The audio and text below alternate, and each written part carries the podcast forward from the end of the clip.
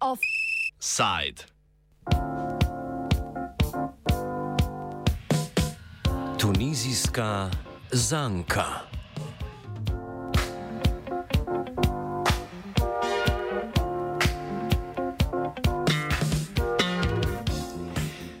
Tunizija naj bi že deset let veljala za vzor v Bližnjem vzhodu in Severni Afriki, saj se je leta 2011 začela arabska pomlad, iz katere je, vsaj tako gre na zahodu prevladojoča narativa, išla kot prva demokratična republika v arabskem svetu. Na volitvah leta 2019 je na oblast prišla široka koalicija, sestavljena iz zmernih islamističnih, sredinskih in socialdemokratskih sil. A nastajanje demokratičnih institucij v Tuniziji nikakor ni potekalo gladko.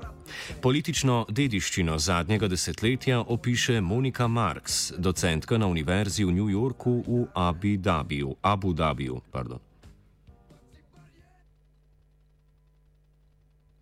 Observers of Tunisia have often assumed that the democratic transition is complete because there have been a number of free and fair elections. With peaceful transitions of power. But for years now, Tunisia has been stuck in transition, if you will. Um, the constitutional court, the country's Supreme Court, has not been created. Uh, it's six years late at this point. Um, corruption is still endemic. The police remains largely unreformed. The economy is getting worse and worse. On top of all of that, there's been COVID, with lots of lockdown restrictions, which have hurt the economy and made a lot of young people feel cooped up and upset, and a lot of deaths now this summer. So this is uh, a, a tinderbox.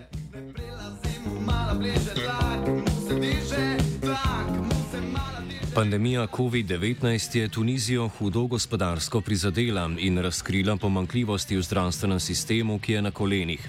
Sporadični protesti potekajo od januarja letos, na zadnje v nedeljo, na dan republike, ko so demonstranti zahtevali odstop vlade, ki jo vodi klerikalna stranka Enahda. Predsednik države Kajs Seid je naslednji dan, navajajoč izredne razmere, razpustil parlament, kar je sprožilo hudo politično krizo. Dogajanje zadnjih dveh dni opiše Marx. What happened in the past 48 hours is the president of Tunisia, who is a populist outsider, um, who styles himself as very clean and anti corruption, declared that he was going to freeze parliament abolish immunity for all parliamentarians and take the, the prosecutorial powers of the judiciary in his hands. Um, this was an anti constitutional measure, I think, by most solid readings, because before he did this, he was supposed to consult with the head of parliament and he was supposed to consult with the constitutional court. As I said, the court doesn't exist, and he didn't consult with the head of parliament. On top of all of that, he's supposed to identify an imminent threat to Tunisia's democracy before he declared these things, which he also didn't do. Razpustitev parlamenta so na ulicah pospremile demonstracije v podporo predsedniku. A lot of Tunisians on the streets are jubilant, celebrating, honking their car horns, very excited about what's happened because they're so fed up. Not because Kais Saied, the current president, is so popular. It's because there's so much anger at Tunisia's political paralysis, and a lot of people feel very desperate. There's another faction of people who have been blaming Tunisia's so called Islamist party, Ennahda, for many years.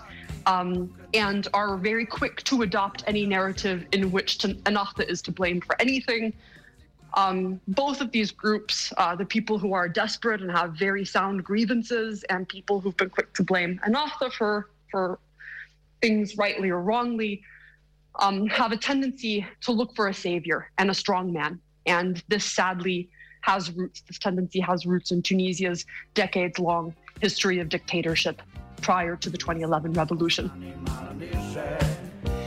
Predsednik Sejd kljub krizi ostaja najbolj priljubljen politik v državi. Na oblast je kot precejšnje presenečenje prišel na predsedniških volitvah leta 2019 kot neodvisni kandidat. Kajus Sayed came from out of nowhere into Tunisia's political space two summers ago, in summer 2019, during the last election contest for president.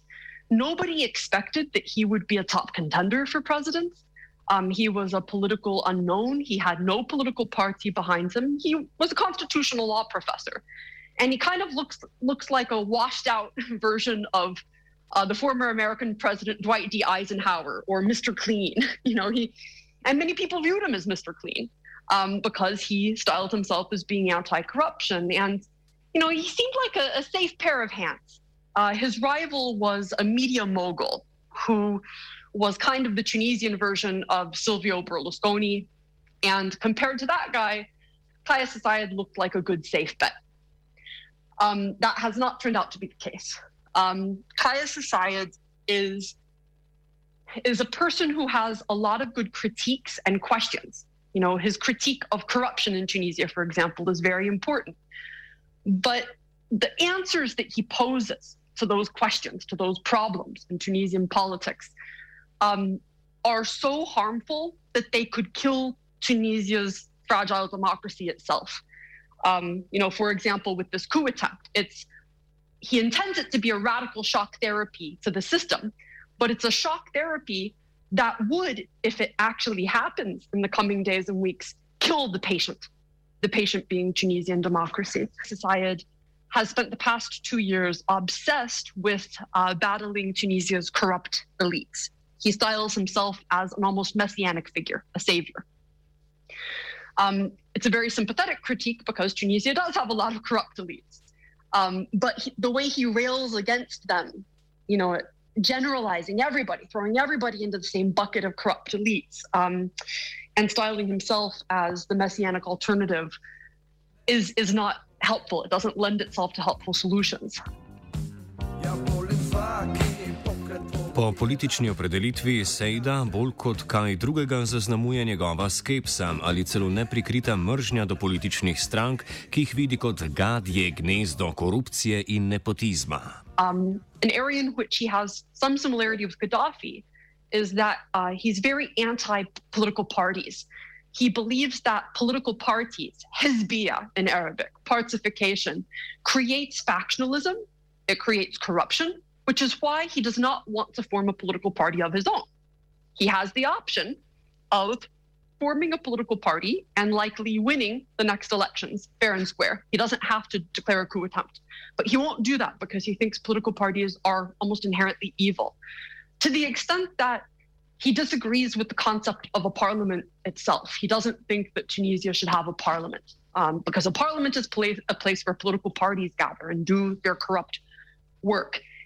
He thinks that Tunisia's government should instead be like a direct democracy with kind of locally elected direct councils. Kais Saied almost wants like a Tunisian style direct democracy um, system. It's it's idealistic um, and it's impractical, but it appeals to a lot of people who are very justifiably fed up with the system. Največja vladna stranka Enahda, ki se izraža kot islamsko-demokratična, je trenutno tarča največjega nezadovoljstva protestnikov. Nastala je v 80-ih letih, ko je bil njen glavni vzor egipčansko-islamistično gibanje Muslimansko bratstvo. Že 30 let jo vodi Rašen Ganuši, ki je tako kot ostali vodilni v stranki v letih preganjanja za časa oblasti nekdanjega predsednika Ben Alija, prišel do prepričanja, da je demokracija najbolj najboljša pot za reševanje težav države in najboljša pot do vpliva islamističnega političnega gibanja. Kot največja stranka so v porevolucionarnem času obveljali tudi za najbolj odgovorne za težave in neuspehe. Zato se je stranka v zadnjih letih poskušala manj izpostavljati. He believed, and most leaders in Anatha believe, everyone I've met in Anatha um, at least claims to believe, um, and most of them seem genuine in this, that if Tunisia does not have a democracy, there will be um, no sustainable way of solving problems in the country. And that democracy is in their best interests too, because dictatorship excluded them. After the revolution, they were blamed for a lot of what went wrong. Revolutions don't tend to produce tidy governments. You know, economies often get better, worse before they get better. There often tends to be a lot of unrest, and, and there definitely was in Tunisia, in no small part because Tunisia's post revolutionary years overlapped with um, the rise of a new center of global jihad in Syria, the rise of ISIS. There were terrorist attacks in Tunisia. Ennahda got um, unfairly blamed, often unfairly blamed for a lot of this. The lesson Ennahda took from these years, from 2011 to 2015, let's say, was that it should find a way to always have a seat at the political table without being at the head of the political table. So it's managed to strategically position itself so that it's been a key party in every single post revolutionary government. But it hasn't ran for president, for example, because it, the party thinks that if it takes the presidency, people are going to go into overdrive, blaming it for everything that goes wrong. Um, as we've seen over the past 48 hours, this approach has not been successful because a lot of Tunisians continue to blame Ennahda for problems in Tunisia ranging from COVID deaths to youth unemployment. Tunizija ima poleg slabe gospodarske situacije tudi težave z državnim dolgom v višini okoli 70 odstotkov svojega BDP-ja. In kar je še bolj ključno, odplačati ga je potrebno v ameriških dolarjih. Ker je domača valuta, dinar, izgubila vrednost, so ti dolgovi močno narasli. Nezaupanje v domačo valuto pa je na drugi strani povzročilo inflacijo in hudo draginjo. Mednarodni denarni sklad je pogojil sredstva za sanacijo državnega dolga z ostrimi vrčevalnimi ukrepi. Marx o posledicah programa Mednarodnega denarnega sklada. The terms of the loans have been, from the perspective of an overwhelming number of Tunisians, harsh. Tunisia's economic situation has been steadily deteriorating. The dinar is worth less today than it was, uh, I think, at any point over the past 10 years. Um, so people can buy less with their money. In such a situation, to cut subsidies at all um, risks putting a lot of people into throwing a lot of people into hunger, throwing a lot of people who are on the borderline, who are already impoverished, into critical um, survival threatening levels of poverty. And the IMF has understandable reasons for urging economic reforms in Tunisia. But there's a strong case to be made that now is not the right time to go cutting subsidies. Things are already bad enough. Tunizija je pred pandemijo živela od turizma in denarja, ki so ga državljani zaposleni v tujini pošiljali sorodnikom. COVID-19 je prekinil oboje, ob tem pa je tudi hudo prizadel podhranjeno tunizijsko zdravstvo. Kljub visoki smrtnosti se je situacija počasi izboljševala, saj so se omejitve gibanja ukinjale, s cepljenjem pa naj bi začeli prejšnji teden. The lockdowns seemed to have lifted recently, but yesterday there was an announcement from the, the president uh, posted to the, his Facebook page um, that they're going to be, uh, some, some of these lockdowns are going to be reimposed. I think the government wants this to be understood through the lens of public health. But of course, it begs the question, coming within the same 24 hour period as his announcement of um, this coup proposal, um, it begs the question whether the real intent of, of these restrictions is not to keep potential protesters uh, of the president and his initiative off the street. Glavno vlogo v demokratični revoluciji leta 2011 je igrala organizirana civilna družba, zato bi lahko pričakovali, da bo tudi danes hitro ukrepala. Toda tako druge politične stranke kot Zveza sindikatov UCTT, ki je za delovanje v času revolucije prejela Nobelovo nagrado, so se na včerajšnje dogajanje mlačno odzvale. The, the trade union UGTT is, along with ANAFA, the most powerful mass political organization in the country. It's not just a normal trade union, um, it has a political role. As, as, we've seen at various points since the, the 2011 revolution. It released a statement yesterday that was both sidesist. The statement did not clearly exonerate Kais Assayed, um, nor did it clearly denounce him. The statement looked like this. Um, looked something like this. We agree that Ennahda is the main problem in Tunisian politics and that Ennahda has been uh, the main problem over the past few years. Um, but we want you, Kais Saied, to respect the constitution moving forward, and we want you, the military, um, to keep being apolitical. I think this both sides them, both sides of them. I think this ambiguity on the part of UGTT will continue. Um, and that is largely because UGTT, both in its membership and in, and in its leadership, um, is is torn um, between a long-standing tendency to oppose Ennahda, which they share with Kaya societies, and a desire to maintain their role as the laureled Nobel Peace Prize winning mediator. Mednarodni odzivi na dogajanje so bili do sedaj prav tako mlačni. Večina zahodnih držav očitno še čaka na razvoj dogodkov, da bi videla, v katero smer se obrača veter. Izjava iz Washingtona je bila kontradiktorna, v smislu, da podpirajo demokracijo, a da je imel zunani minister Antony Blinken pozitiven pogovor s tunizijskim predsednikom. Zahodne države, kot že marsikdaj prej, zanima predvsem varnostna situacija v državi. Samo Turčija je jasno obsodila razpustitev parlamenta. I think there's been a tendency in the West to assume that Tunisia is safe. They had three free and fair democratic elections, they had peaceful transitions of power. They've had crisis moments before, like summer 2013, where everything was at the brink and then they mediated their way out of it. And Tunisia looks safe. Tunisians, they always manage to mediate their way off the cliff edge.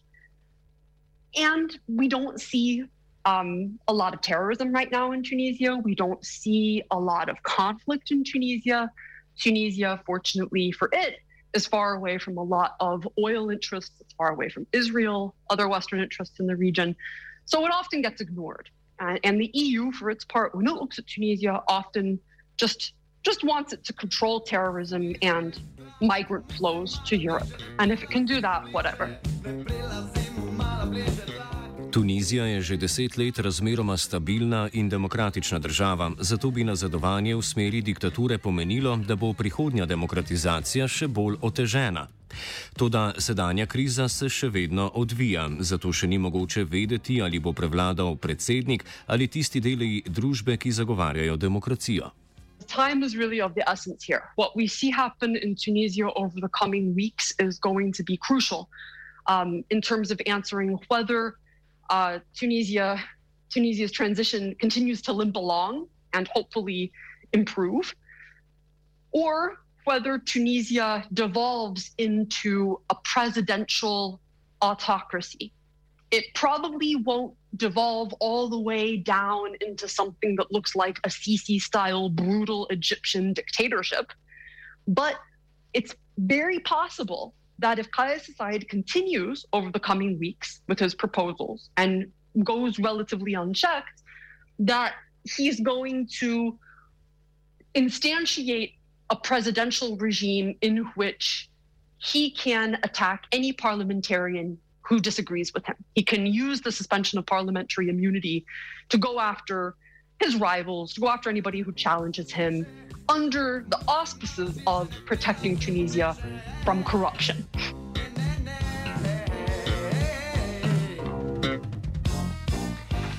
Offside je napisal Srđan, mentoriral je Gal.